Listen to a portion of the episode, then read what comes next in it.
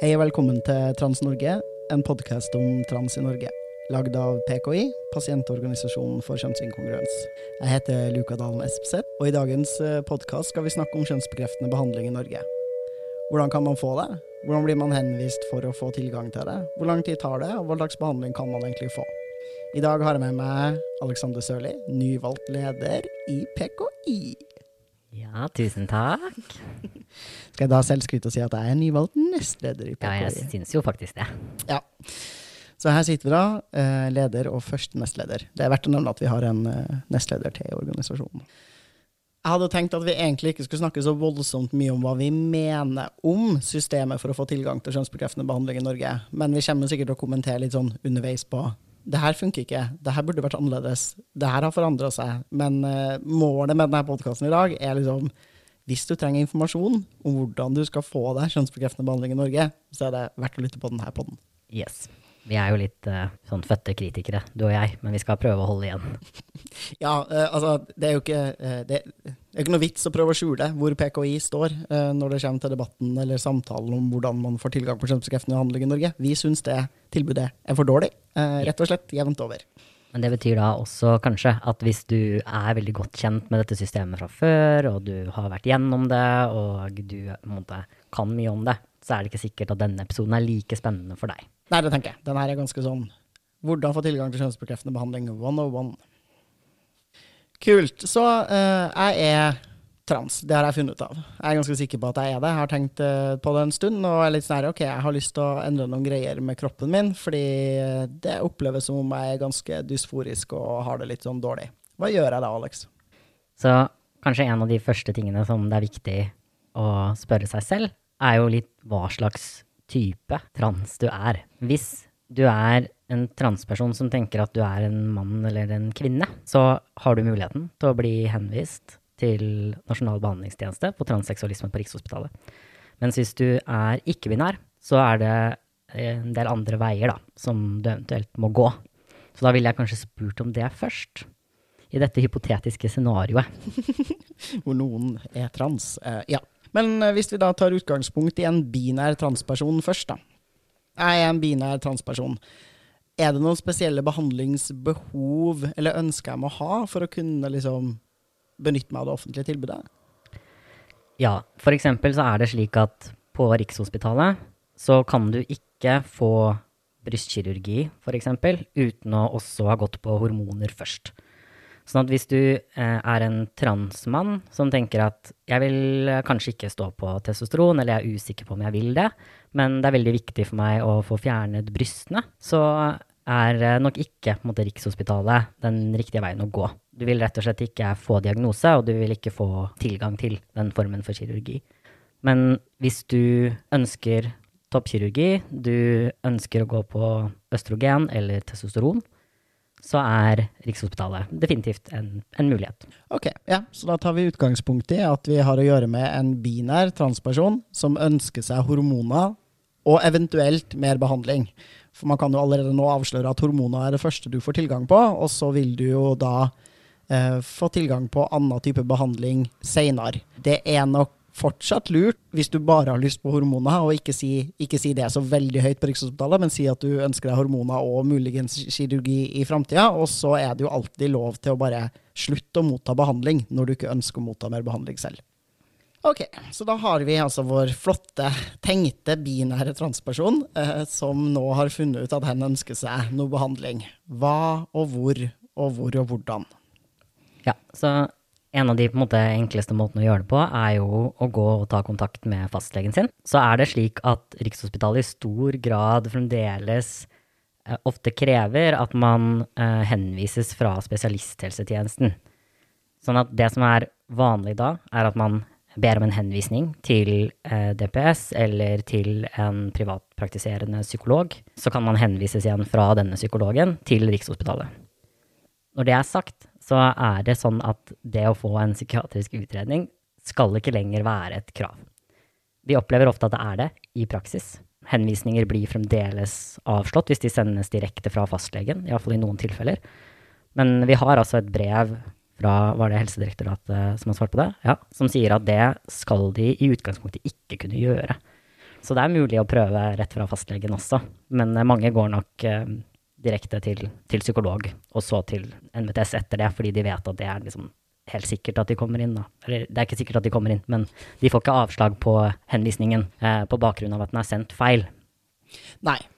Så har vi også hørt flere historier om det siste at folk, um, når de blir henvist til DPS eller BUP da, fra fastlegen sin, blir avvist der fordi uh, DPS og BUP, altså distriktspsykiatrisk senter og uh, barne- og ungdomspsykiatrien, har oppdaga at det å være trans eller å ha kjønnsinkongruens ikke er en psykiatrisk uh, diagnose lenger. Så de har egentlig ikke så veldig lyst til å drive og utrede den gruppa her, med mindre man også har noen psykiske problemer. Eh, så det vi har opplevd en del, er at folk får avvisning på henvisning til DPS eller BUP.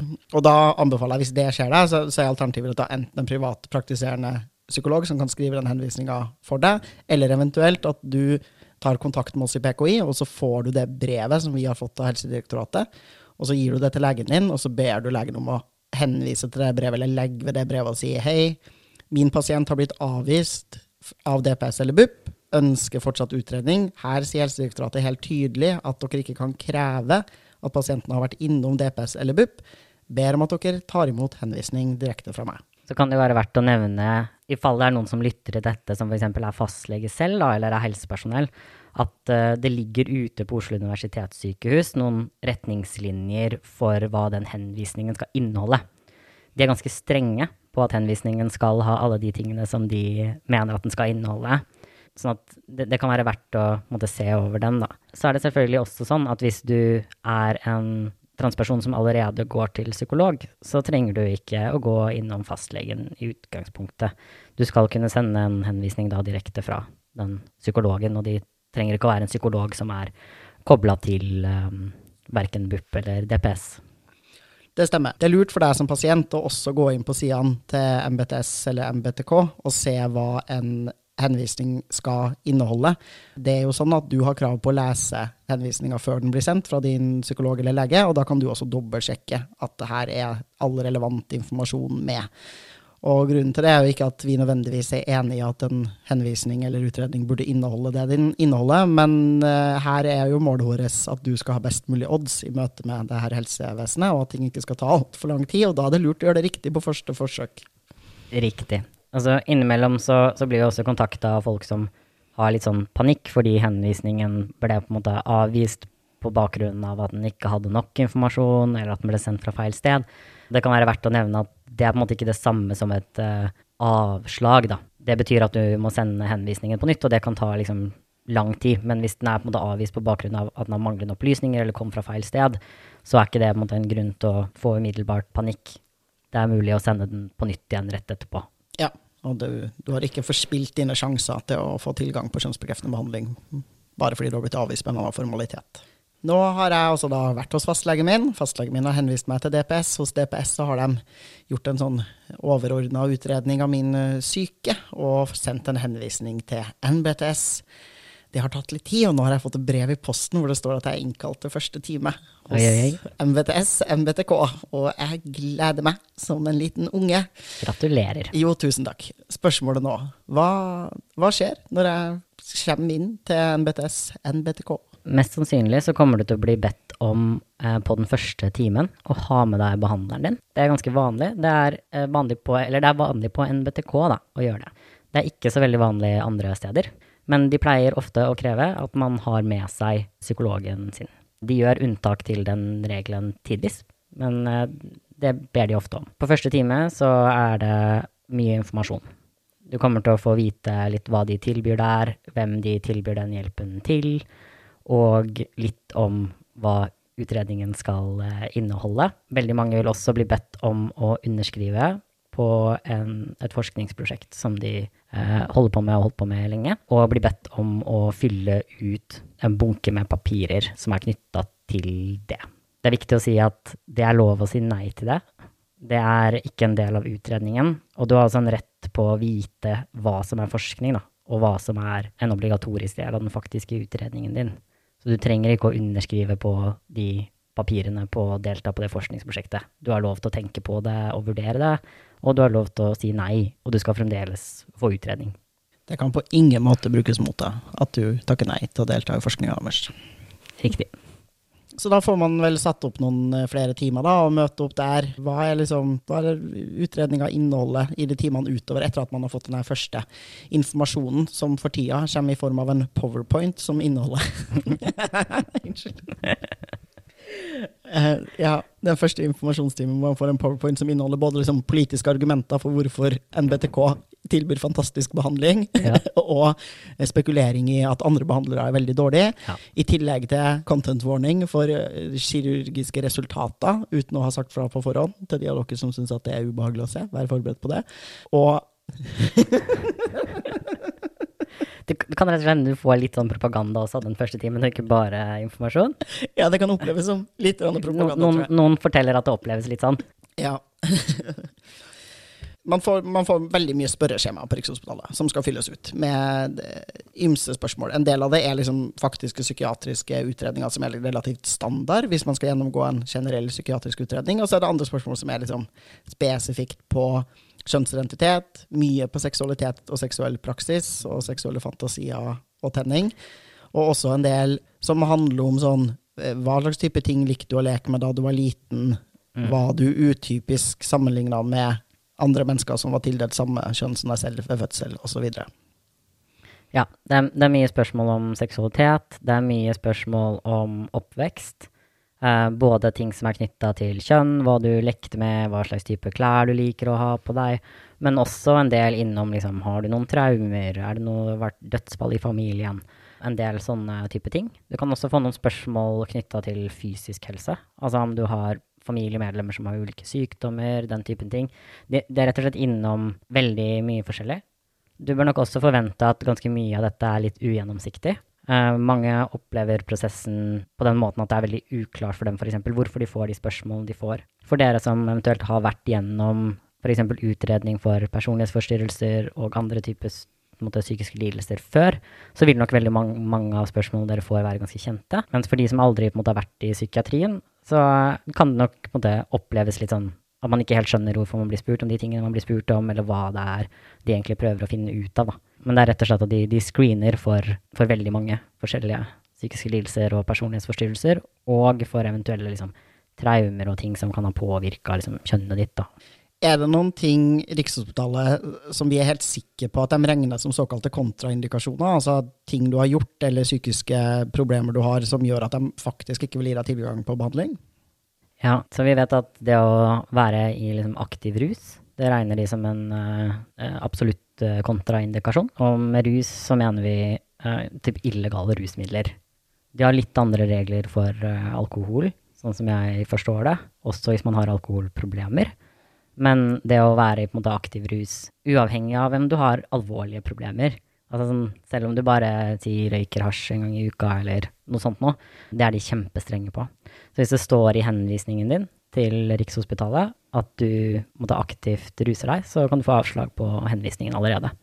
Og det er ikke en sånn eh, formalitetsavvisning. Det er på en måte en avvisning på at du i det hele tatt skal få utredning. Og det er de ekstremt strenge på. For de som har måtte, vært i rus før, eller hvor det blir funnet ut i, i løpet av utredningen da, at de tar illegale rusmidler, så er det ganske vanlig at Rikshospitalet krever at man avgir regelmessige urinprøver for å vise at man er rusfri. Hvor lenge og hvor ofte man må gjøre det, det varierer. Men uh, man må rett og slett bevise da, at man klarer å la være å, å, å, ta noe. Så det kan jo være verdt å, å tenke på da, hvis man har uh, erfaring med, med, illegale rusmidler. Men de screener ikke alle på første time. Jeg har hørt noen som har blitt bedt om å avgi uh, urinprøve.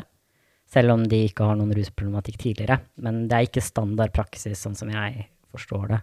Hvis du uten å ha fått noe forvarsel blir bedt om å avlegge en urinprøve, plikter du å gjøre det? Nei, det gjør du ikke.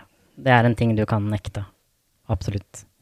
Det vil sannsynligvis ikke telle i din favør, men hvis du da sier jeg ønsker ikke å avlegge en urinprøve akkurat nå fordi jeg har ikke fått varsel på forhånd, og det har dere ikke lov til å kreve, jeg kan godt avlegge urinprøve neste gang. Jeg vil si at du har en ganske sterk case for å si at det er noe du i utgangspunktet kan, kan nekte uansett, men hvorvidt du ville på en måte kommet gjennom det hvis du har eh, aktiv rus, det, altså i en klagesak, det er jeg på en måte usikker på, da. Så det er verdt å være litt forsiktig, ja, og bare vite om det, da. Mm.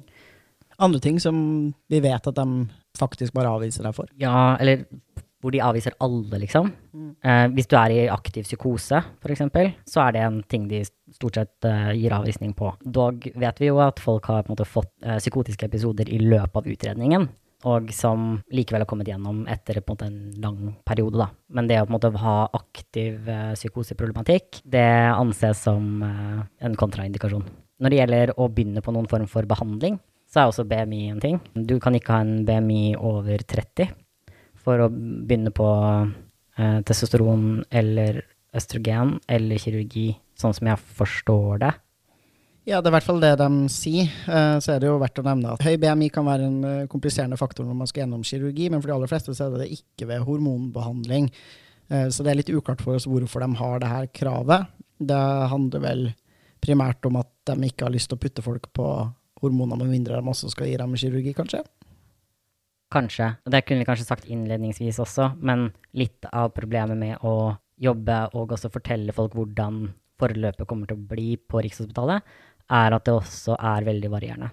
Så vi har, møter ofte folk som forteller at de f.eks. har blitt avvist da, på et eller annet grunnlag, og vi også kan lese i journalen at de ble avvist på et spesifikt grunnlag. Og så kan vi snakke med andre som har på en måte akkurat samme sykdom eller akkurat samme tilstand, da, og hvor de ikke har blitt avvist på bakgrunn av det. Så at, på en måte, det er mye Det er åpenbart veldig mange sånn individuelle vurderinger der som Hvor det ikke er tydelig for oss da, hvor, hvorfor folk ble avvist, og hvor på en måte, grunnene som er gitt, da, eh, er veldig forskjellige. Så vi kan på en måte ikke garantere verken fra eller til.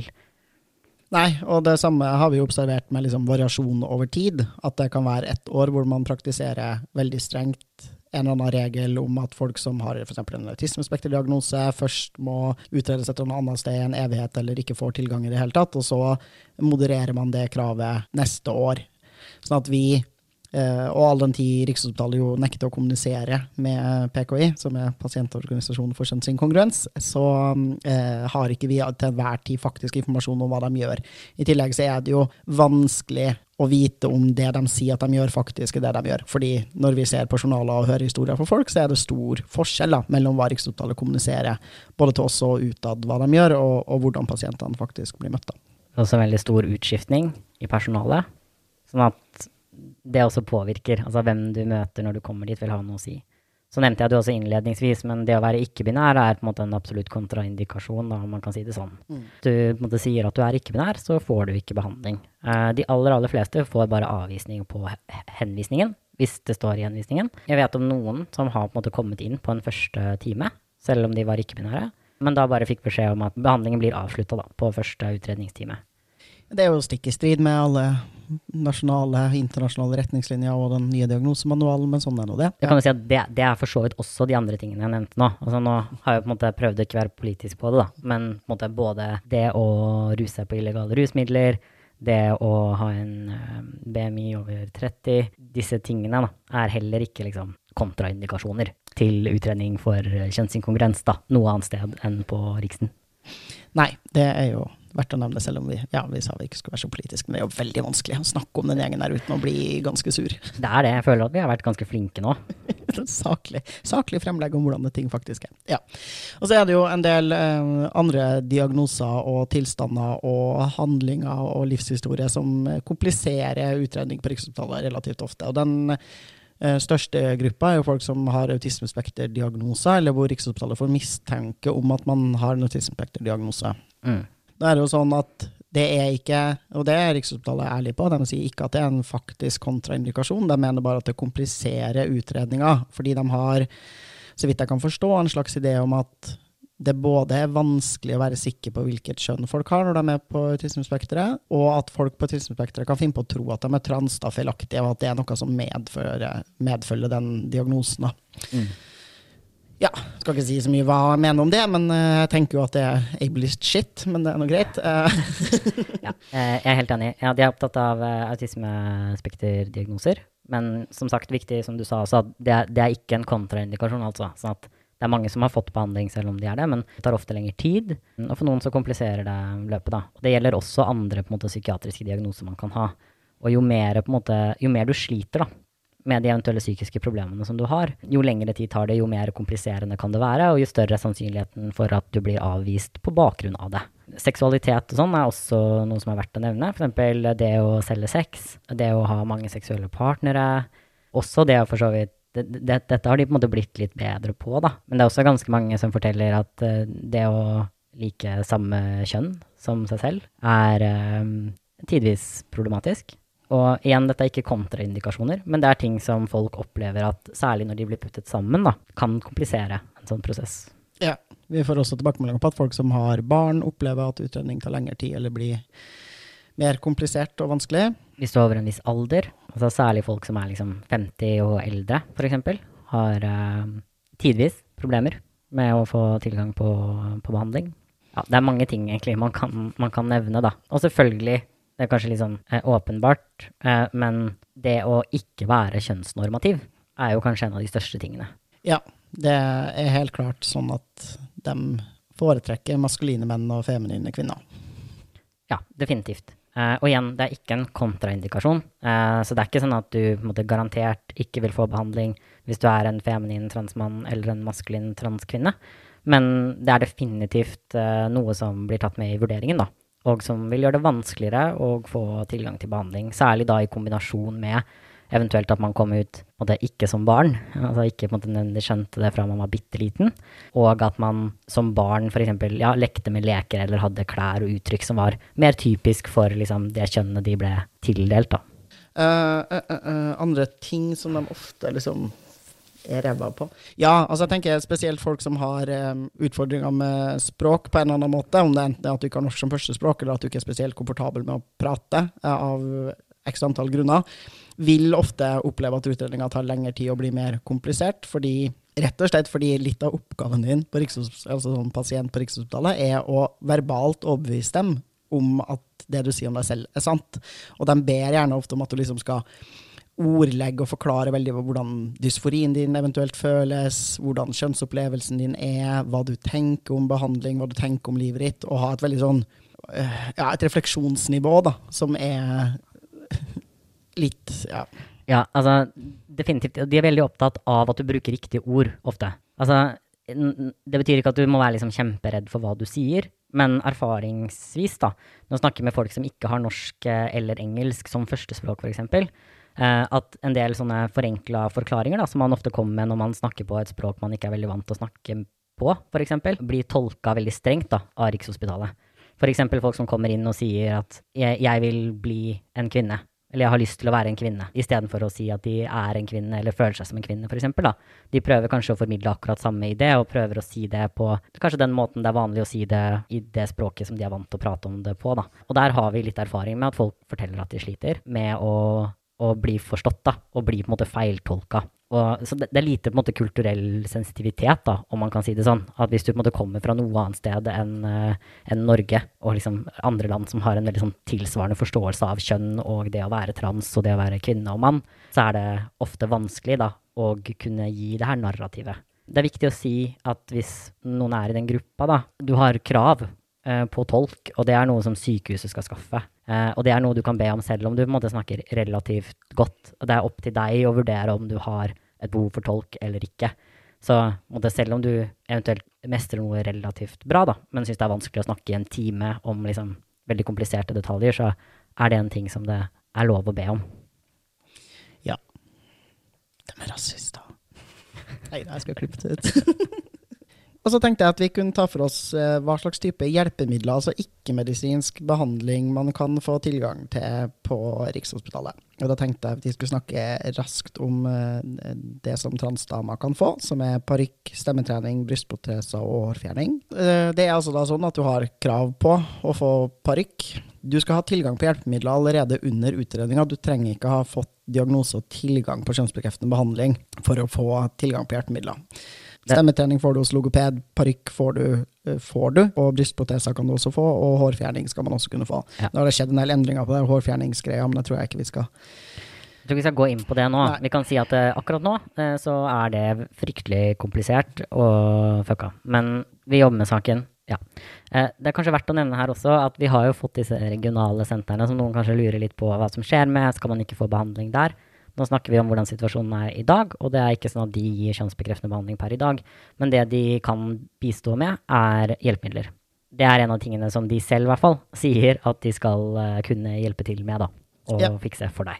Sånn at hvis du trenger hjelp eh, og har behov for, eh, for ulike hjelpemidler, så skal de regionale sentrene kunne bistå med det. Ja, det har også vært å nevne at det vil i hvert fall logisk sett bety at ikke-binære, som ofte kan finne på å bli avvist av Rikshospitalet, men bli henvist videre til regionale senter, skal ha tilgang på hjelpemiddel. Og det tror jeg nok faktisk at det er reelt, i hvert fall til en viss grad i dag. Det, det tror jeg også, og det er også retningslinjene klare på. At uh, hjelpemidler skal være tilgjengelige også for de som ikke ønsker å ta noe kjønnsbekreftende behandling. Da. Og for transmenn da, i det her, vi har jo allerede etablert at det er en binær transperson vi har med å gjøre her, eh, har da tilgang på Vesta eller bindere, penisproteser og også stemmetrening hvis man ønsker det. Og penisprotese så får du vel både tilgang på slappe og erigerte peniser. I tillegg så får du Peacock Gen 4, som jo er en slags kombo. Det skal sies at du, du må jo ha behov, da, før du skal få det dekket. For eksempel, du får ikke en parykk hvis du liksom har alt eh, Du har en fantastisk langt hår og ikke har mista noe av det, på en måte. Nei, du må definitivt ha mista noe hår, eller ja, det er behovsprøvd. Du får heller ikke binder dekt hvis du faktisk ikke har noe bryster, liksom. Ja. Ja. Så tenkte jeg vi skulle prate litt grann om real life experience, eller real life test. Mhm. Mm. Det er jo et krav Rikshospitalet har, at Ja. man har en såkalt virkelighetserfaring. Hvor Rikshospitalet da sier at man eh, i et år skal leve som det skjønner man ønsker å være, tror jeg det er sånn de formulerer det. Så kan vi jo spørre oss selv hva, hva er det å leve som kvinne eller mann, men eh, det jeg opplever at de stiller som krav, eller ofte forventer at pasientene sine gjør, er i hvert fall å endre juridisk navn og juridisk skjønn, og å komme ut på alle arenaer i livet sitt, egentlig. Ja, det, det er riktig. Du skal på en måte leve fulltid, da, som man innimellom sier. Som det kjønnet du identifiserer deg som, og um, krever at du gjør det under hele utredningen. Eh, jeg vet at de ikke er like strenge på dette hvis du er ung, altså hvis du er under 18 år. Men eh, i utgangspunktet så har de ofte satt som krav du måte lever åpent, da. eh, I hvert fall noen arenaer i livet ditt, før du måte begynner utredningen der. Du skal helst rett og slett drive med denne såkalt virkelighetstesten da, i løpet av utredningen. Ja, jeg kunne snakka i åtte timer om hvordan real life experience er bullshit, og ikke gir deg noen som en slags informasjon om noen ting som er nyttig for deg selv, og bare er eh, å utsette transfolk for diskriminering, stigma og presse oss til å gjøre ting i livet vårt vi ikke nødvendigvis vil. Men eh, det skal jeg la være med. Men det er, det er verdt å nevne at eh, det her er også et sånt krav som Rikshospitalet har, hvor de er alene i verden, omtrent, med å stille et sånt krav i 2021. Det er I hvert fall et år er eh, ganske mye å kreve for mange. Eller det, det er ganske uvanlig å kreve det over en så lang periode av tid. Og det er også veldig uvanlig å ikke gjøre noen individuelle vurderinger basert på det. Og, og det er det jo Ja, jeg skal ikke gå inn på alle grunner til hvorfor, hvorfor det kan være problematisk. Men, men når det er sagt, da, så er det selvfølgelig sånn at eh, Riksen har jo veldig begrensa mulighet for å gå og sjekke i hvilken grad du på en måte lever det ut i hverdagen din. Det er ikke sånn at de måte de har ikke noen rett til å ta kontakt med liksom, skolen din eller arbeidsplassen din for å se om du faktisk er åpen der, da. Ja, du er ikke nødt til å legge ved bilde av hva du hadde på deg på julebordet på jobben siste år, liksom. Nei. Og hvis de vil snakke med familien din og sånn også, hvis du er over 18 år, det er eh, definitivt noe du har lov til å si nei til. De spør innimellom om å få snakke med liksom, partnere og sånn type ting. Det kan du absolutt si nei til. Eh, og det motsatte er også sant. Du har et krav på å kunne ha med deg folk. Jeg er litt usikker på hvordan det fungerer nå under covid. De er veldig strenge, men i utgangspunktet så har du lov til å ha med deg noen. Og det kan være hvem som helst. Det er riktig. Kan være hvem som helst. Det er du som bestemmer, så hvis du har lyst til å ha med deg lederen i Pasientorganisasjonen for kjønnsinkongruens, så, så kan du det. Gitt at han har tid og lyst, da. Ja, riktig. Det kan du. Ja. Kult. Eh, så jeg har nå kommet meg gjennom et år med utrolig nyttig virkelighetserfaring. Og masse interessante utredninger, og jeg har klart å bevise for Rikshospitalet at jeg faktisk er trans. De har gitt meg noen hjelpemidler, og det har for så vidt vært fint nok, det. Jeg er ganske gira på hormoner, og det er vel neste steg på veien, eller? Ja, det er det. Hvis du da får um, um, diagnosen ja, kjønnsinkongruens, den, den, skal man jo kunne få ut, utgangspunktet. Men hvis de bestemmer da, at du skal kunne begynne på behandling, da blir du henvist til en endokrinolog, som egentlig bare betyr en slags hormonlege. Da. Og da vil du bli eh, starta opp på enten maskuliniserende eller feminiserende hormonbehandling. Og det er jo da testosteron, hvis du er en transmann. Og det er østrogen og testoblokkere for eh, transkvinner. Og så har Rikshospitalet et krav om at du skal ha gått på hormoner i ett år før du eventuelt får tilgang på toppkirurgi, hvis du er en uh, transmann. Hvis du er en transkvinne, så får du en individuell vurdering på hvorvidt du får lov til å få brystimplantater. Mm. Og den tror jeg de i hvert fall krever et år, om ikke to-tre år på østrogen. Og det er rett og slett for å se hvor mye pupper klarer kroppen din å gro på egen hånd. Det stemmer.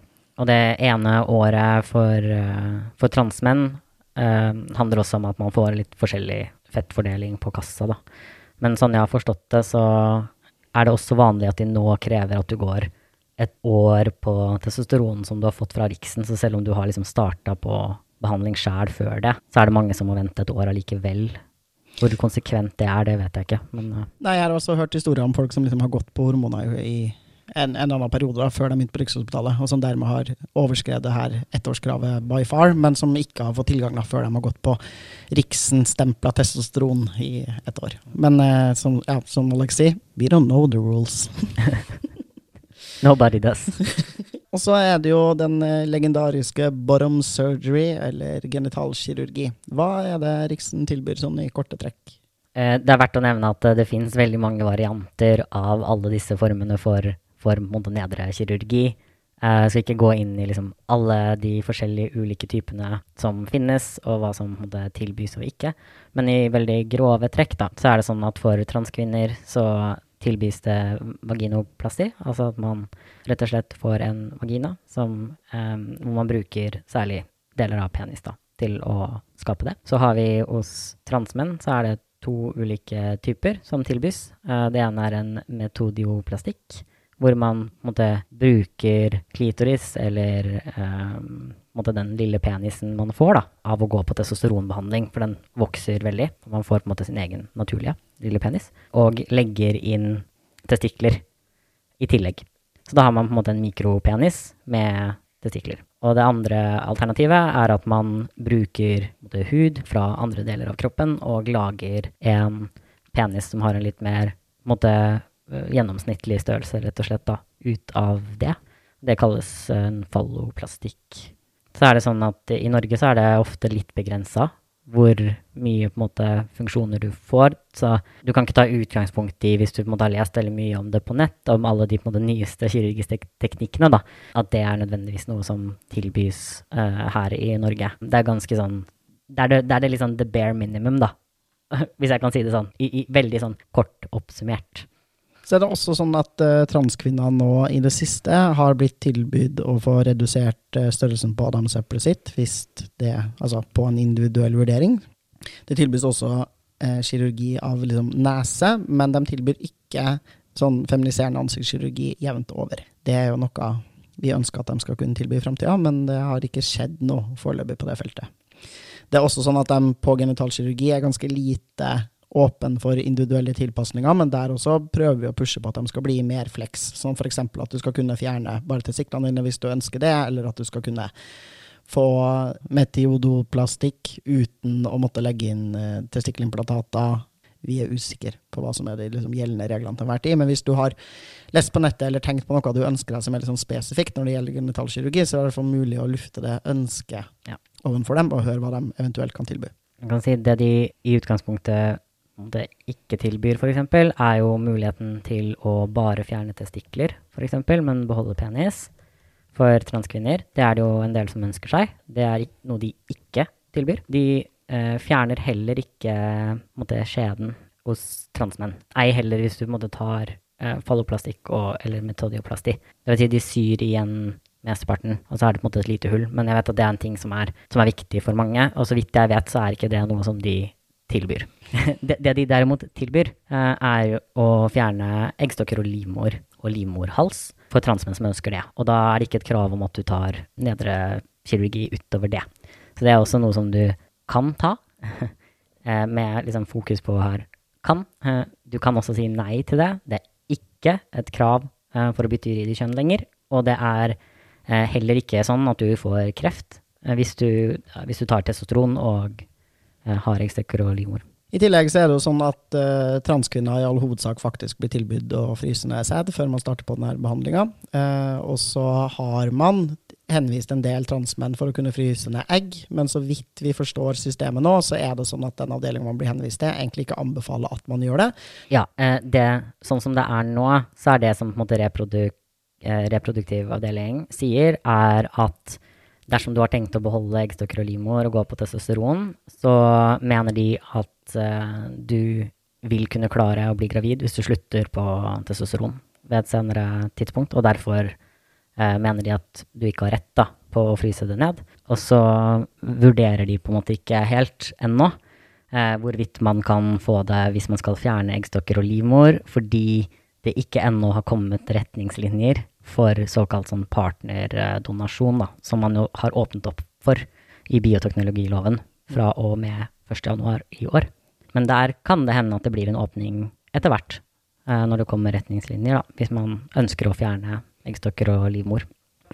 Vi håper på at det tilbudet skal bli litt bedre. Selv om det, altså, de har for så vidt rett i at det er mulig å få brukt de eggene senere hvis du ikke fjerner dem uh, for en del, men det er liksom ikke helt 100% sikkert. Men det er heller ikke helt 100% sikkert når du fryser ned egg, da. Man, man, vet generelt veldig lite over måte, lang sånn, man, Vi vet at liksom, bruker du det type i fem år, testosteron, så virker det som fra studiene at det har lite å si da, på den reproduktive evnen din hvis du slutter på det igjen. Men skal du gå på det over en lang periode av tid, så har vi ganske lite informasjon egentlig mm. om det. Sånn at uh, det er jo verdt å, å merke seg.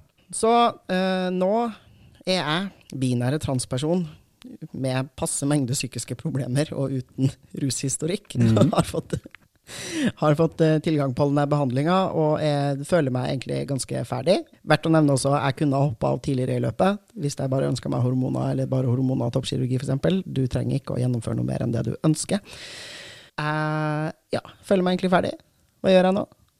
Nei, hvis du er ferdig, da eh, er det vanlig at behandlingen din overføres til fastlegen din. Så det som skjer da, er at eh, den hormonelle behandlingen som du tar, enten det er eh, østrogen og testoblokkere eller testosteron, den forskrivningen da overføres til fastlegen din, som også skal følge deg opp med regelmessige tester på hormonnivåene dine og sjekke at alt er greit.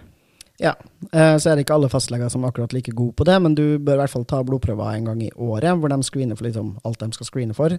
Og så er det viktig at du for resten av livet ditt husker på hva slags type kropp du har, og hva slags type screeningprogrammer du burde være med i. F.eks. har du prostata, så må du huske at du har en prostata, ta hensyn til det når du blir eldre. Hvis du har livmorhals, så må du ta celleprøver helst hvert tredje år. Hvis du, ja, hvis du har utvikla brystvev, så bør du ta mammografi og sjekke om du får brystkreft. Hvis du ikke har fjerna absolutt alt brystvevet ditt, så bør du også fortsatt følge med for å kjenne om du liksom får klumper eller sånn type ting. Bare så det er sagt. Riktig. Så vi har kjørt vår binære transperson gjennom det her programmet. Nå mm. skal vi gjøre, eh, ta for oss ikke-binære, eller mennesker som ikke vil på Riksen, eller som blir avvist av Riksen, eller som bare sier fuck Riksen. Hva slags mm. type helsetilbud finnes for mennesker som ikke er på Rikshospitalet i Norge? Ja, eh, det er litt forskjellig. Eh, er du i Oslo og er under 30 år, så er det mulig å henvende seg til helsestasjonen for kjønn og seksualitet. De tilbyr både pubertetsblokkere og feminiserende og maskuliniserende hormonell behandling. Eh, de kan ikke gi noen form for kirurgi, men eh, hormoner og pubertetsblokkere, det er noe de tilbyr. Og de eh, diskriminerer ikke mot de ikke-binære. Altså det vil si at du kan være ikke-binær der, og du vil få en individuell vurdering, akkurat som alle andre, og bli tilbudt behandling dersom det er det som er riktig for deg, da. Ja. Men det krever som sagt at du er under 30, uh, eh, og det krever at du har bostedsadresse i Oslo. Så etter moment så bor det 40 transpersoner i mitt hus. Nei da, jeg tuller. ja, HKS, altså Helsestasjonen for kjønn og seksualitet, er også behjelpelig med å skrive anbefalingsbrev hvis du ønsker kirurgi privat i Norge eller i utlandet. På Helsestasjonen for kjønn og seksualitet så får du ikke hormoner på blå resept, og må dermed betale full pris for behandlinga di. Det er vel egentlig den største ulempen. Det stemmer. Det er bare Rikshospitalet per i dag som uh, får lov til å skrive ting på, på blå resept. Dessverre. Det uh, eh, HKS kan gjøre, er jo å henvise deg videre til eh, NBTK, selvfølgelig, hvis du etter hvert f.eks. trenger kirurgi, da, eller ønsker å ta liksom bottom surgery. Og de skal ikke kunne avvise deg på bakgrunn av at du har starta behandling et annet sted. Men dette gjelder selvfølgelig ikke hvis du er ikke-binær. da vil du uansett ikke få behandling på Rikshospitalet. ja, det stemmer. Og så har vi jo en veldig kjent og prominent lege og professor i Norge som heter Espen Øster Pirelli Benestad, og henne også tilbyr hormonbehandling til mennesker, og diskriminerer da heller ikke. Verken av, ja, på ingen av de grunnlagene som Rikshospitalet diskriminerer, da. Det er vel liksom de to stedene som er mest aktuelt for å få hormonbehandling, men det er også verdt å nevne at det finnes andre fastleger i Norge som skriver ut hormoner. Ja, og det, det, kan jo også variere litt hvem det er. sånn at eh, den letteste måten kanskje å finne ut av det eventuelt, er jo å ta kontakt med de ulike organisasjonene. Og det er viktig å si det at det er ikke ulovlig eller noe sånt nå, det de driver med. Altså det at eh, Rikshospitalet er de eneste som kan skrive ting ut på en sånn blåreseptordning, eh, betyr på ingen måte at det er ulovlig for andre leger å, å gjøre det. Det er noen som på en måte misforstår det litt, eller tenker at det liksom rett og slett ikke er lov da, for andre å, å gjøre det, og det, det stemmer ikke. Nei, det er definitivt lov. Jeg anbefaler alle å prøve sin egen fastlege. Ja. Eh, jeg vet også at Helsestasjonen for kjønn og seksualitet er ganske åpen for å samarbeide med fastleger og hjelpe dem hvis de ønsker å starte på hormonbehandling, men føler at de mangler litt kompetanse. De har også en veldig verdensanerkjent endokrinolog som er ansatt der, som hjelper ja. fastleger. Mm. Ekstremt dyktig type. Eh, det, det, er viktig å si at dette er ikke steder hvor du bare kan gå og liksom be om å få behandling, og så får du det. Du kommer til å gå gjennom en, en form for utredning. Den kommer til å se ganske annerledes ut og oppleves ganske annerledes enn den som er på NBTK. Men eh, det er ikke noen sånn garanti at hvis du får en time, så måtte får du behandling. Det er det ikke. Nei, de forholder seg jo stort sett til liksom internasjonale standarder, hvor man jo anbefaler mellom tre og seks måneder utredning, og tre til x antall samtaler, litt avhengig av hvor ja, hvor sikker du er, om du har noe kompliserende forhold. Ja, hvor ja. gammel du er. Ja. Um, mange forskjellige ting, da. Men uh, dette er definitivt steder hvor man i hvert fall ikke blir diskriminert på bakgrunn av å være ikke-binær, da. Så kanskje de største problemene med en del av uh, disse tilbudene utenfor NBTK er jo uh, kapasitet. det er ganske få personer og leger som på en måte tilbyr dette. Noen opplever å få hjelp veldig fort, men eh, vi har opplevd tidvis at uh, det er sånn at måte, samtlige er, rett og slett har for mye å gjøre, da. Så det er vel kanskje det eventuelt et, et, problem som kan oppstå, da. Men det er klart, det er lang ventetid på MTK, altså. Og så er det også mulig å ta toppkirurgi privat i Norge. Det finnes eh, flere klinikker i Norge som tilbyr toppkirurgi. Eh, hva slags regler de til enhver tid opererer med, varierer litt, avhengig av hva slags retningslinjer og påpakk de får fra helsemyndighetene, og hva Rikshospitalet til enhver tid sier og anbefaler. Men det er i hvert fall mulig å få toppkirurgi for noen uten å ha fått diagnose på Rikshospitalet, og også en del ikke-binære får tilgang på det. da. Så det er noen kriterier der også som innimellom måtte endre seg. Men uh, det, er, det, er, klinikker nå som tilbyr det. Et annet alternativ selvfølgelig, hvis du har penger til det, og det må du for så vidt også ha for å kunne ta det på private klinikker i Norge, er å dra til utlandet. Uh, det er selvfølgelig også noe du har helt lov til å gjøre. Litt vanskelig i disse koronatider, men det er definitivt selvfølgelig også et alternativ, særlig for kirurgi. Og ganske mange gjør jo også det. Ja, det er også en del folk som får hormonbehandling i utlandet. Altså Hvis du har fått uh, resept på hormoner i utlandet og er innenfor EØS, så står du ganske fritt til å få utlevert hormoner i Norge, tror jeg. Gjør du ikke det? Um, ja, det varierer litt fram og tilbake mm. hva måte, reglene for dette er. Men en, en del folk eh, tar um, uh, Altså går på hormoner fra utlandet, ja. Men jeg har også opplevd at en del da har måttet reise litt fram og tilbake, f.eks. For, eksempel, for å hente ut resepter der, avhengig av hvilket land det er.